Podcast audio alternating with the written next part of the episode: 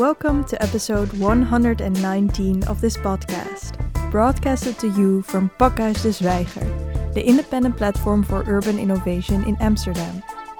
My name is Annick van Rinsum, and our guest today is Nyasha Harper Michon, archtivist, architect, business developer, marketeer, speaker, and writer. Dear Nyasha, welcome. Thank you. Super glad to be here. So, you are an architecture activist, um, and you wrote that architecture is about building up, and archtivism is about building down or uh, breaking down. Can you explain that? Yeah, sure. So, um, is really yeah this kind of delightful blend of architecture and activism, and uh, the idea is that it's kind of a different way of of doing architecture. And so, when I say architecture is kind of like yeah building up, then archtivism is breaking down. It's because archtivism is about breaking down the status quo or breaking down the, the walls and barriers that we have in the industry. And uh, it's really about bringing about a different way of doing things, a different way of creating architecture, of um, engaging with the built environment. And so that's why there's this kind of sort of duality between the two. So to evoke this, this difference between uh, mainstream, let's call it that way, architecture. And have you always been an archtivist? Maybe you could say that maybe.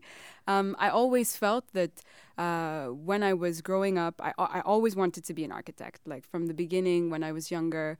Um, this was something that seemed like it fit with all the things that i wanted to do. I used to play um, building things and very soon i realized okay architecture is the path for me. Um, but while studying and getting into what it meant to be an architect, I started to feel that the definition was a bit narrow for me. It didn't necessarily fit with um, with what I wanted to do or or the aspirations that I had uh, or my skill set. So something there was a bit of dissonance there. Um, therefore, I'm searching for something to find uh, a way within architecture that would fit with who I was, and so archtivism kind of came about that way and therefore i guess i was always an archtivist and struggling in the world of, of architecture how to fit in and uh, that's how it came about. Yeah so when you were a child and you were uh, building things and you were thinking about what uh, architecture would be like what would you envision it then? What would it be for you? I think when i was when i was very small it was all play. I mean it was it was just natural for me. It was just something that i did uh, for fun. I my sister and i had built this entire miniature sort of city in our basement and we were just making things out of cardboard boxes, cereal boxes, or juice cartons, and creating little homes with all the little things that you needed. And we had these Playmobil people, so it was a real functioning town with uh, schools and these kinds of things. Um, so I think it was just about creating these stories with the people and creating a, a place where people were happy. It was very sort of um, idealistic in a way, I guess, just how kind of children are. Um, so yeah, very uh, very nice and sort of idyllic. And maybe that's what we're kind of searching for in reality. Then reality sets in, and you see the world isn't perfect, of course. Um, but maybe that's what we're searching for to to create a sort of um, yeah idyllic place where everyone's happy. so yeah, so you were building an idyllic place out of cardboard boxes, and then you grew up a little bit, and you started to become an architect, or you started to study it, and then just before you started your studies, what did you think the studies would be like? What did you hope it would bring you? I hope that I would learn the the tools. So uh, I I came across like recently I came across a drawing that I made when I was younger, um, and it's just a yeah drawing of these two ladies one uh, sitting on a chair and the other one standing and there's a little flower and there's this little uh, writing that i wrote on top that says you know i wish all the poor people were in a house and food so okay I, my grammar wasn't great but i think there was always um, a sense of wanting to to help others and just make sure that especially those in need uh, people were, were taken care of so I felt that architecture would be my tool to be able to make a positive impact. Uh, so when I was getting ready to go to school, I wanted to learn the tools of the trade to be able to make an impact through the built environment. And I think I say this in this way now, uh, looking back. Maybe you know my 17 year old self wasn't so thinking about it in this way entirely, but I think in hindsight, that's really um, what I wanted to do with architecture, and still what I what I want to do with the with the profession. Yeah, and then you wrote your thesis on archtivism, specifically on redesigning the way architects design. So, at what point did you come up with this kind of thesis? It was based on things that I was noticing. I, um, I think I was looking for those answers during my um, during my academic career, and I wasn't necessarily finding them in the books or or um, in the courses that I had. So I, I, was, I was, you know, I thought to myself, well, if I'm not able to find them, maybe I should try to put together what is there and and create something uh, maybe new that I feel would have helped me. So then maybe it will also help uh, others uh, along the way. So it was just thinking about how we design um, as as a way to not just think of my thesis as let me just design one project and you know, just make something and say this is it, but how could I create something that would also discuss the wider sort of aspect of how we design to begin with, uh, especially given the the different crises that we are in uh, in the world. I felt that there was, you know, I needed the tools, and I didn't necessarily have them, so I decided to create them. Um, yeah, just taking from all sorts of different sources. There's lots out there, but somehow I needed it to be compiled in one in a way that made sense to me. Uh, so that's what I, I used this opportunity that the graduation project is um, to be able to do that and uh, and create something that I could also share afterwards and that, like I said, could grow or influence others uh, in the future. And was this kind of project, like this kind of thinking about the practice and the theory of architecture, encouraged within your uh, studies? So I started school, uh, architecture school in Paris. Uh, so I did my undergrad in Paris, and then afterwards I did my master's here. And in my an- undergraduate degree in, in French school, it was a lot more rigid. There was kind of a way of doing things, and which mm-hmm. was I wasn't I didn't fit into that mold, uh, so I found it quite difficult.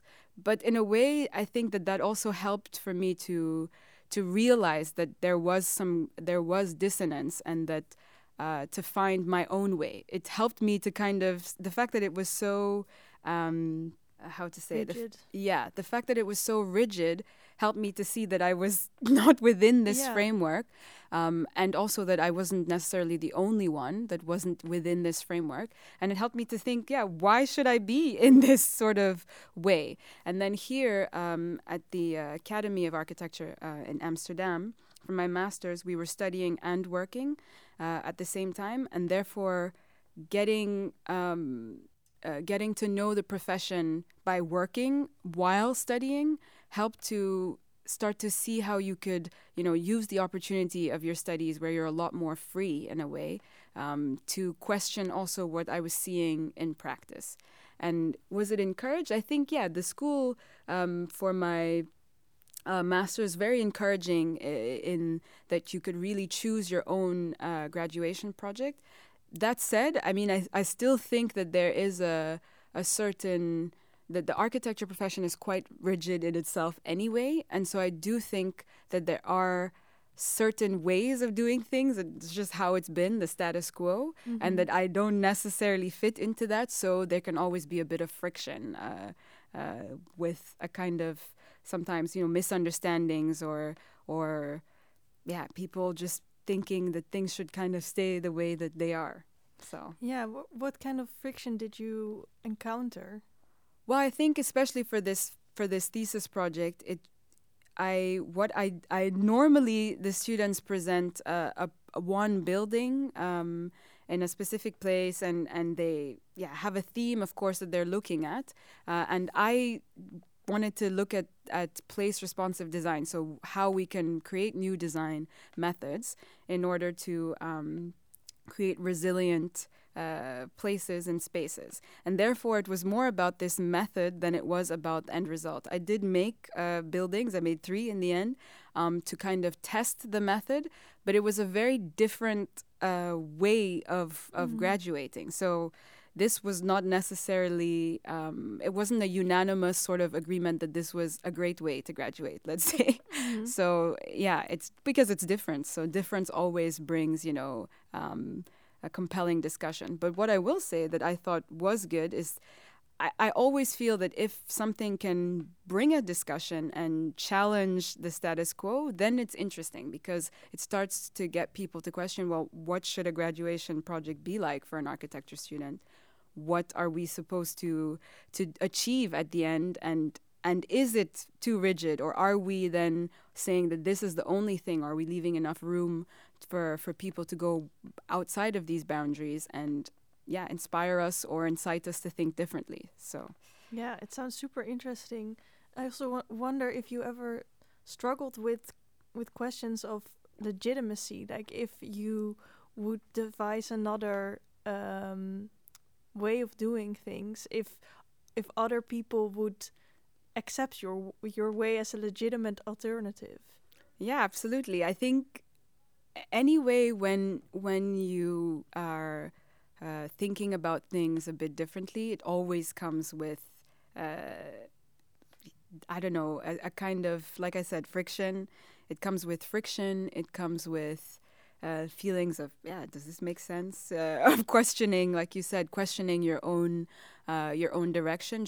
Maybe it would be nice to just do it the same way that everyone else is doing it. It would be a lot easier uh, in a sense. But if if I think the challenging um, existing ideas, of course, with a reason. I mean, you don't just challenge things just to challenge them. Mm-hmm. Um, but I think it it um, it's very enriching. The discussions that come out of this are are important, and even if the the product or or the project that maybe was the the the thing that started the discussion, maybe that isn't uh, the best thing or it isn't the only way or the new way. It doesn't have to catch on in itself.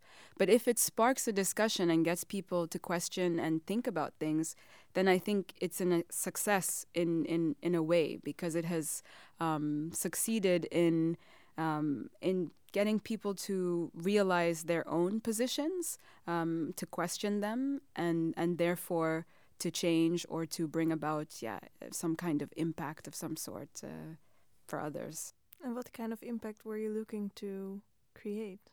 With my graduation project? Yes. Yeah, I was, um, I think one of the things was also to say I can also be an architect in this way. Uh, and that was something that was hard for me, let's say, um, during school is that, yeah, I, I, I felt that the way that I wanted to be an architect was not necessarily the way that we were quote unquote supposed to be an architect or the or like I said, this this idea that I felt it was a bit narrow, the definition of, of what we would do. So how did you differ from the way you were supposed to be an architect? I'm very much uh, interested in in change or in innovation um, when it comes to solving some of the you know some of these global issues that we're dealing with today. That's my number one preoccupation. Um, and then architecture for me is a tool. My feeling is that for example, well, architecture is quite a conservative uh, on the building industry as well, construction. It's all quite um, conservative compared to other industries that are innovating or, or much more open to, to change and have changed over the past uh, decades. Um, and so there's lots of innovation, or there's lots of people who are thinking about different things within uh, the field of architecture and broadly, you know, from social to environmental to um, to economic. I mean, there's so many different ways to to to do things um, differently. But as a whole, the the the movement or or um, as a whole, we're not making change in a great sort of at, at a great pace. It's mm-hmm. kind of mm-hmm. slow, mm-hmm. and I don't know if it's also because you know the act of building it takes a long time to to just build a building. It's not. Uh, it's not like software or something that can just be updated, and that's a much more um, it's much easier for these iterations and for things to to grow. But that said, I feel that precisely the um, the architecture field could learn from other industries where they have these different ways of seeing things, and they've also changed so much. You know, we've seen the growth of so many things in in so many industries um, that that kind of these ideas and this mindset, I think. It as a whole is missing in the industry. We're still quite uh, doing things the way that we were before. Um, and so individually, there's lots of kind of innovations, but as a whole, I think that there needs to be a larger push um, to what architecture really can be and what it should be. And so that's in the tools of how we actually build, um, how we design our processes, how we design our practices, the business aspect of, of our practices, how we engage with the uh, with the public and in creating the our public spaces or the buildings. It, it's quite broad, but there needs to be some changes in the way that we do things. Um, so not only, of course, in what we produce, but also in the in the processes that come before that. Can you give a concrete example of a process that needs to change or that is very rigid and old-fashioned? I think there's there's a lots of there's lots of innovation that could come out of the practice of architecture. And the way that we do it now is, I mean, we uh, we kind of sell hours uh, of work. It's just this kind of just the model, and it's very um, there's a lot of there's kind of this boom and and bust cycle. So it's sometimes it's working really well, at other times less work's coming in, and lots of offices have this kind of uh, very precarious sort of situation where sometimes there's work, sometimes there isn't, and the actual business model is not so uh, is not so innovative. I mean, it's just it is what it is, and people feel like, but this is this is the only way that you can do architecture and have run a practice. I'm not so sure.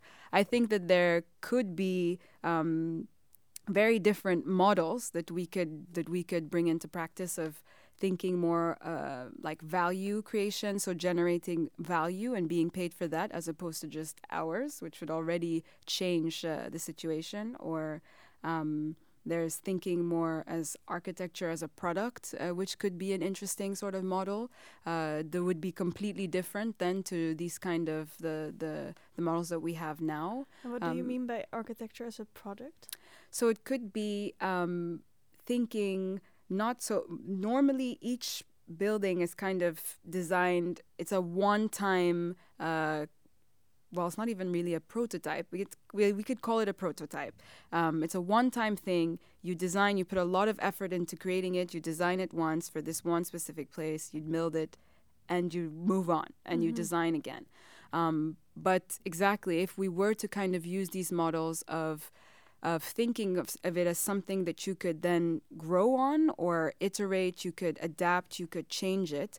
Um, you you wouldn't lose uh, this work because it wouldn't only be for one. It would be something that would be uh, yeah would be getting better or you could optimize. And so this kind of going into the um, to the world of the tech world uh, to kind of think of this uh, iterative process of, of updating, testing things, making it better so that then afterwards you would have a much better product um, with time than if you just do something once and kind of move on. Also, you were talking about value.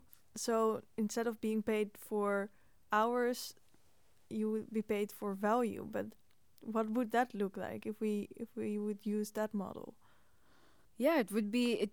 What I think could be interesting there is to um, to get out of things being just subjective uh, um, because it's not about you know if it's if it's a nice building or if it's uh, it, what what was the goal of this building? For example if we're thinking about a school um, uh, the school is there also so that uh, the students can learn properly so that then maybe the school wants to get better test grades on the national tests or something and so that they can bring in more students into their school and they can have a higher um, higher rating or something at their school. So this is the end goal of this building.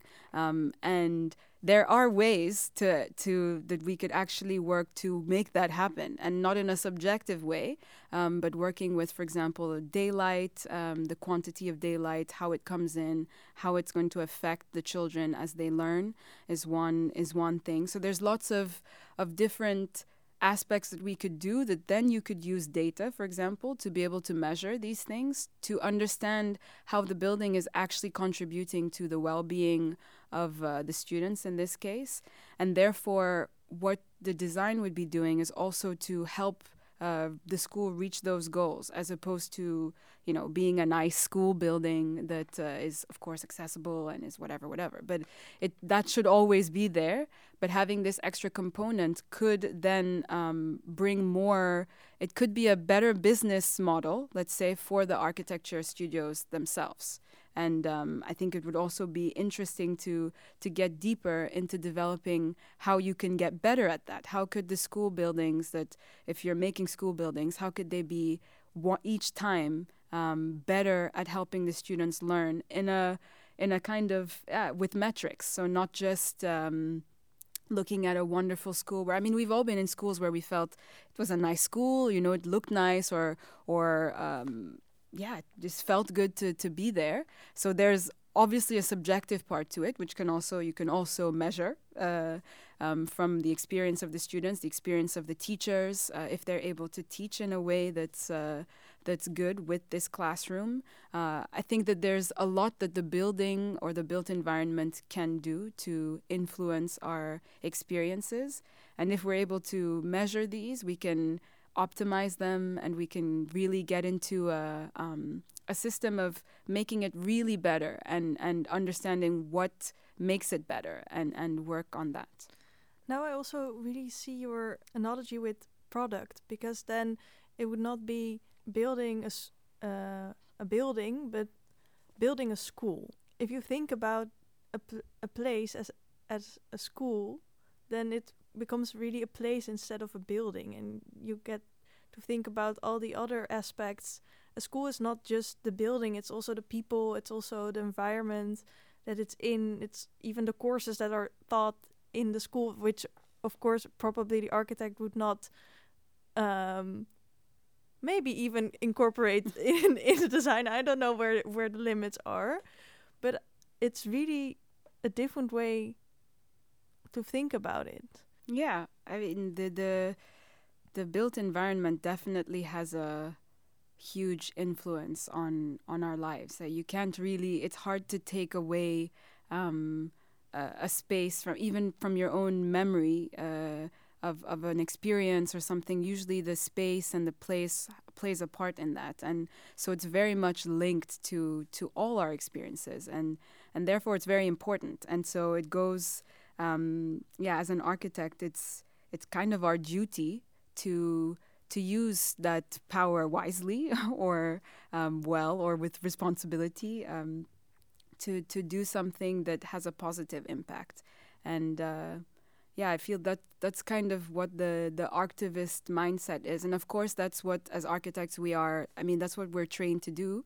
Um, but I for for me uh, this the idea of activism was also about um, going maybe that one step further and, and really pushing these boundaries and really questioning things. Um, uh, so, for example, we're talking about a school, um, thinking about the different uh, students, the different types of students that are going to be there. As architects, we're really we really learn to um, to make architecture for what I like to call reference man. So this, you know, um, yeah, six foot tall, heterosexual, able-bodied, yeah, white man, and um, this is not he's not everywhere. I mean he is everywhere in how we design but he isn't the only guy or the only person who um, who's attending school. Well yeah who's attending school. And so it's um, it's important to think about different types of people, different types of bodies, different types of experiences. And that's something that we don't do enough in architecture and we need to push push it really uh, to the next level because yeah this reference man idea really disregards women children the elderly people of color lgbtq plus people people with disabilities it's such a limiting um, way of designing but we are we seem to think that this is just the universal way or it's the neutral way which yeah it's even worse to think it's kind of neutral because it, it isn't it's just choosing one um, one person who disregards basically everyone, even most men.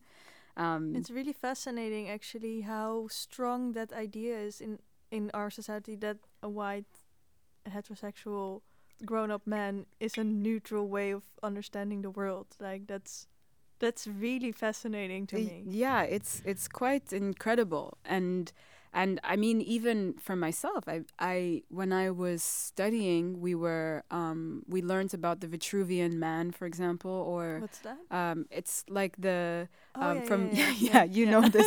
yeah, but maybe you should tell because you did, did a, yeah, gesture, my arms out. this image that we all know of of a man who has his arms out and his legs kind of out as well. Um, In a circle. Yeah, exactly and also the um, Modulor man also we learn in architecture it's from le corbusier architect from the 20th century. And it's kind of this idea that this is the base you know and this is from everything kind of or like uh, how to say yeah everything comes from this or this is what we should be using as the um, the basis of design. And so it's it's it's weird because I mean I'm kind of the opposite of, of this guy. Uh, I'm one meter fifty, so I've never you know one meter eighty or one meter eighty five. That's always everything is too high for me. Tables are just I I felt the experience of it not being right, but somehow I still would design for this mm-hmm. Modulor man. So yeah, because even you were told to. By yeah, and I and I didn't think about it so much. You you don't you don't you just think this is the way the world is. So even as a designer, you're designing uh, for this person who's completely the opposite to you, which I think is incredible. Even for myself, I think, wow, I can't believe this is. It would be really interesting to uh, make another person be the standard. Just put a completely different person in in a circle and like use it as a, as a method to make things. Yeah. Well, the the Modulor man is really um, this one we use a lot in in architecture. It's a it's also an image of uh, it's like a silhouette, um, and he has one arm kind of up and. Uh, anyway, the silhouette, most architects know it from Le Corbusier. And uh, yeah, I've also been thinking about making another one because that would uh, be so nice. And in my mind, it's not one. Uh, it's actually not about having one because that's not the point. Mm-hmm. I think the the point is to um, work with the plurality of, of the human experience or of um, human uniqueness, and that's where it gets interesting. I I think it's not about finding a kind of replacement as as in one person to to say okay we don't use reference man now we use reference woman. I mean I think that's not the the, the point is not go. to make the mistake yeah. a second time, but to understand that there is no one set reference. Maybe you should just um, use a circle, like everybody drawn on top of each other, and it's so many people that that's no white space anymore. I don't know. Interesting. Um, I was also wondering what uh, thinkers, may maybe architects, maybe other people, uh, have inspired you in your journey towards thinking differently. I got a lot of inspiration uh, from outside the architecture field as well. I think that that's probably where I got the most inspiration. um, like what uh, kind of places, people? Uh, well, I think the the one thing is I've so I met my my wife and she was not an architect. So this was also I think a good thing because I was hanging out with a lot of architects. So it was just I was just entered into a kind of new world. Um, and she uh, was running her own business. So I learned a lot about business with her. So uh, the the business world in general. But then also she was working in tech, and so then um, getting to understand kind of the ins and outs of, of, of the tech industry. I was really then inspired to read a lot. So then I read a lot of books like The Lean Startup, uh, Eric Ries, which I thought was really interesting, which was looking at this kind of iterative ways of of uh, of making a company uh, a startup uh, within the tech world and um, lots of ideas I think that came from outside the industry, uh, the architecture industry, were really inspiring to me because I thought, wow, how would that translate in architecture? And I think that's when things get really interesting. Is kind of when they are um, at the edge of or of of different industries or kind of in a way creativity is just taking things from different places and, and putting them together in new ways. I mean, we never invent new things re- in reality. Um, so I think drawing inspiration from other uh, industries where they're doing things completely differently, and sometimes it feels like it's completely different. So, how could this be applied? But that's where the interesting part is to understand how what's going on there that we could use to be able to get further within the industry of architecture. So I I've been very much um, inspired by the tech industry, um, and uh, yeah, just the the constant innovation, the the the I think how quickly also things are able to change. It's it's very inspiring to me. So I drew a lot of my my inspiration from there. So how did did you use tech um, companies' ways of doing things in architecture? So lots of these ideas are still um, maturing, let's mm-hmm. say. So it's not. I don't necessarily have um, one thing that I really took from from tech and then plugged it in and kind of came up with this uh, amazing solution or something. Um, but uh, but no, there's there's a lot of um, of things to learn from to, to to take from from the tech industry, and I mean it's already happening in architecture. There's like lots what? of like, um, for example, even just if if you think of the different um, ways of building, then.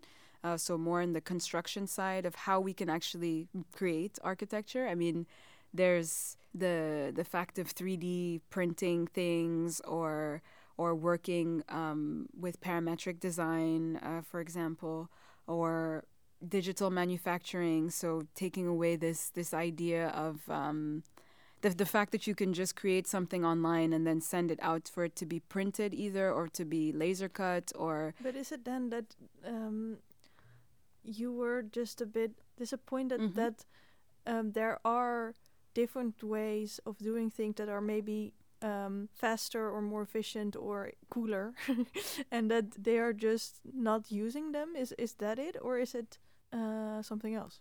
No, I think it's um, it's more. So what I was saying earlier is it's more uh, as an industry, the industry could be going forward a lot quicker. So there are definitely individual offices, individual people, or or movements within where there are things going on uh, like i said in different in different parts do it either social or or what technology what, what, would it look like if the industry would move quicker in architecture? I think we'd be able to um, to to adapt quicker. So to to use the the tools that we're able to that we have from nowadays and incorporate them into architecture. Um, we'd be able to um, adapt our buildings a lot better. We'd be able to create things that were um, just, yeah, more adapted to our way of life now or to the climate situation, or we'd be able to tackle issues uh, a lot quicker if we were able to move the industry faster. And even the, the process, like I said, the process of architecture is very slow um, now. Maybe it doesn't have to be, but maybe we need to th- we need to think on that a lot more in order to change the way that we're we're building in the first place. But do you think that is a question of um, just kind of culture? Is it is it um, do you think it's possible for architecture to move this quickly if they all had this kind of Silicon Valley attitude?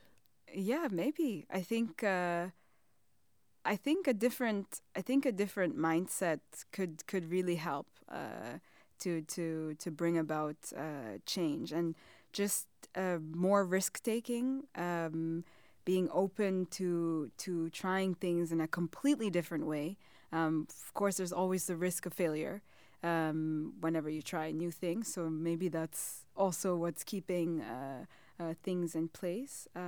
But I also think that the the real estate industry is also changing. The the construction industry. There's lots of things that that are changing as well. That may mean that architects will have to change with it, or or maybe the whole industry will be disrupted from an outside force, which is usually how disruption works, and therefore the changes are kind of unforeseeable in a way. You know, no one, no one could have imagined Uber or Airbnb. It's kind of it's beyond. B- before that, you just didn't see it happening.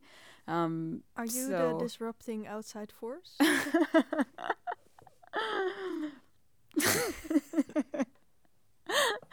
no, I mean I think um, yeah, I don't know. I the I I'm not sure in what form it will will take, um, but I think what I what I'm interested in looking at is maybe before we get disrupted by this outside force, um, you what what can we already do? How can we already think about the things that we are doing now, and how can we kind of yeah stay relevant and um, and uh, propose different ideas. I think it's it's interesting. We have so much um, knowledge, so many things going on within the industry that there's there's a lot to do with with what we already have. So uh, I'm kind of excited to see um, this cross pollination between different uh, parts within the industry, sort of rubbing against other industries that are completely different and this sort of mesh of things happening. I think that's that's what the future would look like is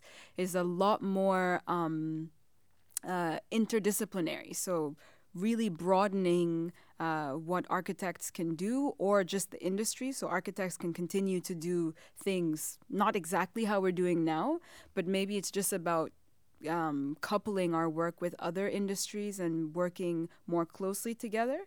And that then the fruits of that work would be much more powerful and and it's kind of um, would be in a way that yeah I'm not sure that I can imagine it today, but I think it would be much stronger in helping the problems that we do have and that we do face today.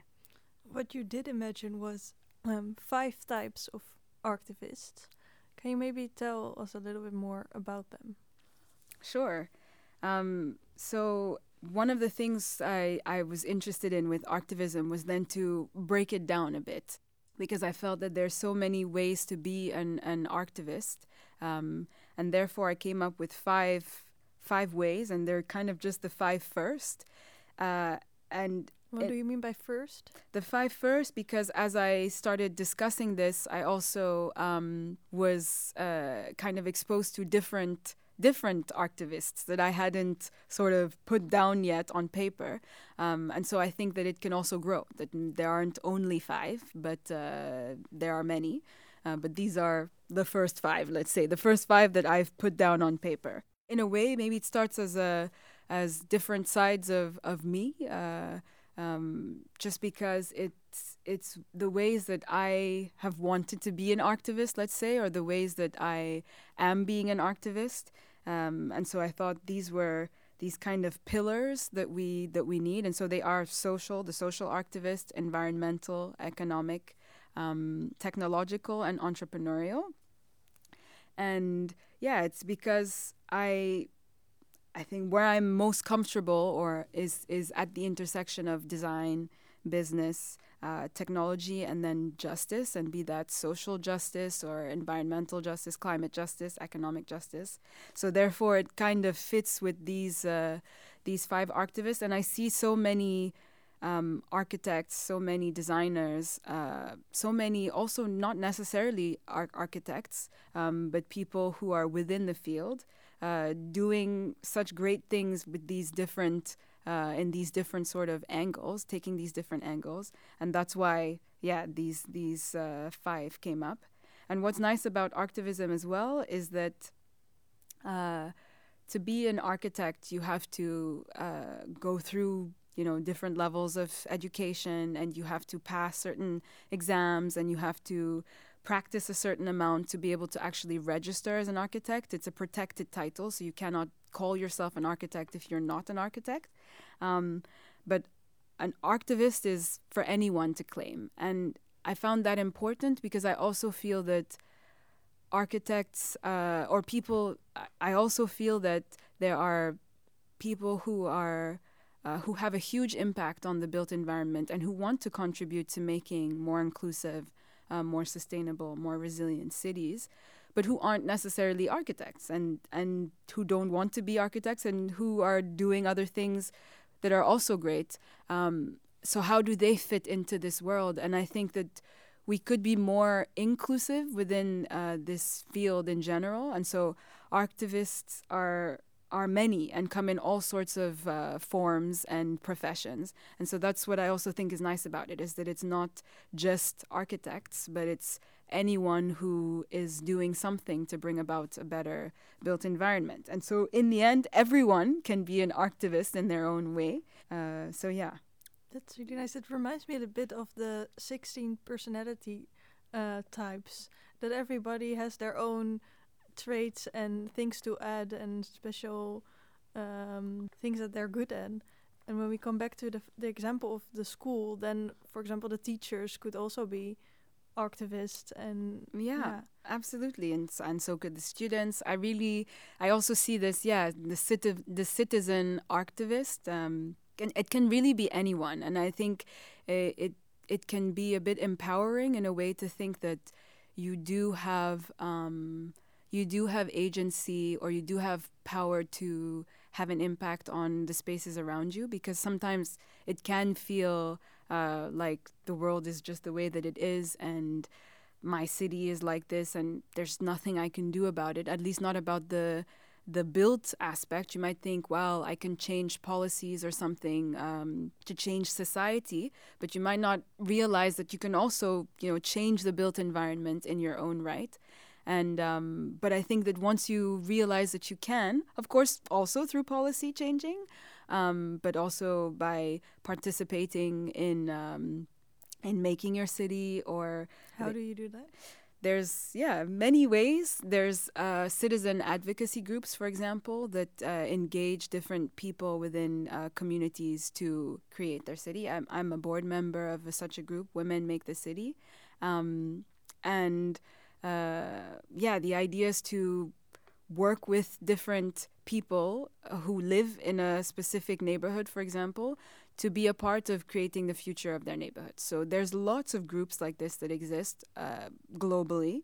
Uh, so you can either take part uh, by helping to be a part of the group or being a, a um, a neighborhood member or a community member that joins for a specific project. There's a lot more participation um, or co design or however you want to call it going on now, which is kind of uh, which is very nice to see and important, I think. Um, but there's also um, yeah good old protesting that can also be good if it's uh, protesting for example for the housing crisis or or yeah, just protesting your your right to the city to make sure that there are safe spaces for everyone, um, uh, uh, accessible streets or clean uh, places in in the city. Uh, all these kinds of things are are some ways um, to to get involved in creating um, a city, a, a better city for for all of us and i think just just thinking about it and thinking about our own experience also discussing with other people about their experience in in um, in the built environment. You know, we we all know what it's like for us to walk through a city, but when you talk to someone else who who has a different you know body or a different uh, yeah whatever than than you, you realize that that the city is completely different for them and maybe there's some changes that uh, you can make in your own street uh, that could help or or things that you could of course ask uh, to be changed uh, in your city so that then afterwards it would be more inclusive for this uh, for your neighbor. Um, so i think also just opening the discussion and realizing that it's not it's not just a one size kind of fits all situation is already a good step. So just starting a discussion with your neighbors, for example, would already be a good way of realizing that you do have agency uh, um, and you can, you know, create a better built environment one step at a time in in little ways as well. Nice. Like you kind of open up architecture with archtivism to everyone you also open up your own practice as an architect into archtivism by incorporating business development, marketeering, uh, speaking, and writing.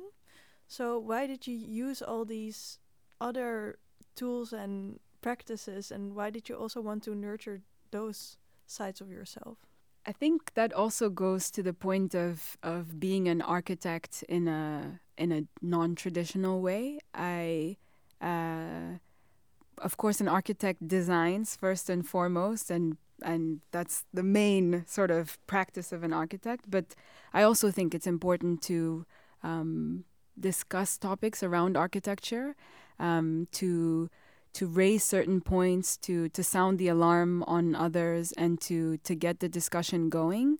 Um, so I I also felt that I think that's also being an architect, uh, um, and thinking about how we also win work, how we how we work with our clients or the different stakeholders to be act- to, to be able to actually create an architecture project. I also feel is part of architecture um, and that's more um, considered business development um, and then writing communicating um, um, on these topics uh, and reaching different people where they're at. I think that you can communicate through a building, through a design, but also through text, um, through spoken word, through through so many different ways. And I think that as long as we're um, yeah looking towards creating a better built environment and thinking about these topics and what we can do and how we can do better and um, and looking at ourselves looking at our own biases and questioning that.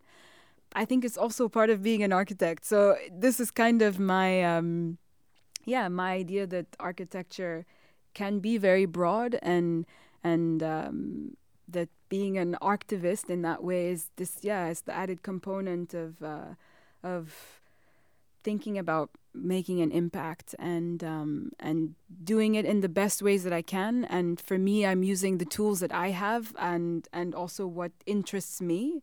And therefore, that's why it comes in all these different uh, these different ways of of writing or of, of speaking about things or um, or using uh, my more strategic thinking as a business developer. Um, all of it is all towards creating a better built environment and uh, yeah that's that's kind of what being an activist is in a in a nutshell two months ago you started a new position as business development officer at UN Studio what has these two months been like um, really great. I've really enjoyed it so far. Um, it's very interesting also working in a very large firm that's uh, that's operating globally, and so therefore uh, being able to make an impact on various points across the world. And how do you use your activism in your new position, for example? I think in I kind of bring my activist self uh, everywhere I go. In a way, it's, it's, I guess it's hard to to separate it uh, uh, from from who I am. Um, so it's just in in all sorts of different ways, but in it can be in thinking of the sort of uh, teams that we make when we're creating teams to to create uh, to create a project expand maybe the the types of people that we would uh, call upon also getting involved in in sustainability and working within like an internal task force to make sure that the architecture that we are um, making is sustainable um, technology is also an important point at UN Studio so working with that as well so it kind of leads with a lot of different uh, uh, the different types of activists are all all kind of there. And of course, within my um, business role, thinking of different um, business models. And of course, it's only been two months, but these are all the things I'm thinking about constantly. So then um, I, I bring them to work every day, and uh, it's it seeps into all the different things that I that I work on. To close off, do you have a message for our listeners? Yeah, I think that my message would be uh, to if if you're an architect to think about what what it means for you to be an architect, and to be okay with broadening that, uh, broadening what that definition would be. Um, and so, there to be an architect in your own way. And then, for the listeners that aren't architects, I think it's also to realize that you can be a part of shaping the built environment in any small way. You can have a you can play an active role in creating the types of city that you want to live in. Um, so of course you have to reflect on what type of city that would be. Um, but I think that you can be a part of it and that you can find other people who are also interested in being a part of shaping um, the built environment and work together to create the type of neighborhoods or um, schools, uh, the offices, the types of cities, anything that you that you feel would be would contribute better to to you, to your neighbors, to your friends, to your family, to everyone. So in the end, for both architects and non-architects, everyone, I think the idea is that you can be an an activist and that you can um, you can use the tools that you have in order to create a, a better built environment, one that's much more inclusive, one that's sustainable, one that's actually going to help to solving some of these global issues that we're dealing with, um, and that you can do that in in any way that you see fit, and any with the skills that you do have, um, and with a bit of passion, uh, you can be an activist in your in your own right. Thank you so much, Nyasha Harper Michon. Thank you. Dear listeners, this was episode 119 of the podcast series by Pakhuis de Zwijger. Do you want to know more about this topic? Go to our online research page on designing cities for all at dezwijger.nl slash dcfa. Subscribe to our podcast via SoundCloud, Spotify, Apple Podcasts, or another podcast platform. Leave a rating or share your thoughts about the topic. Thank you for listening and until next time.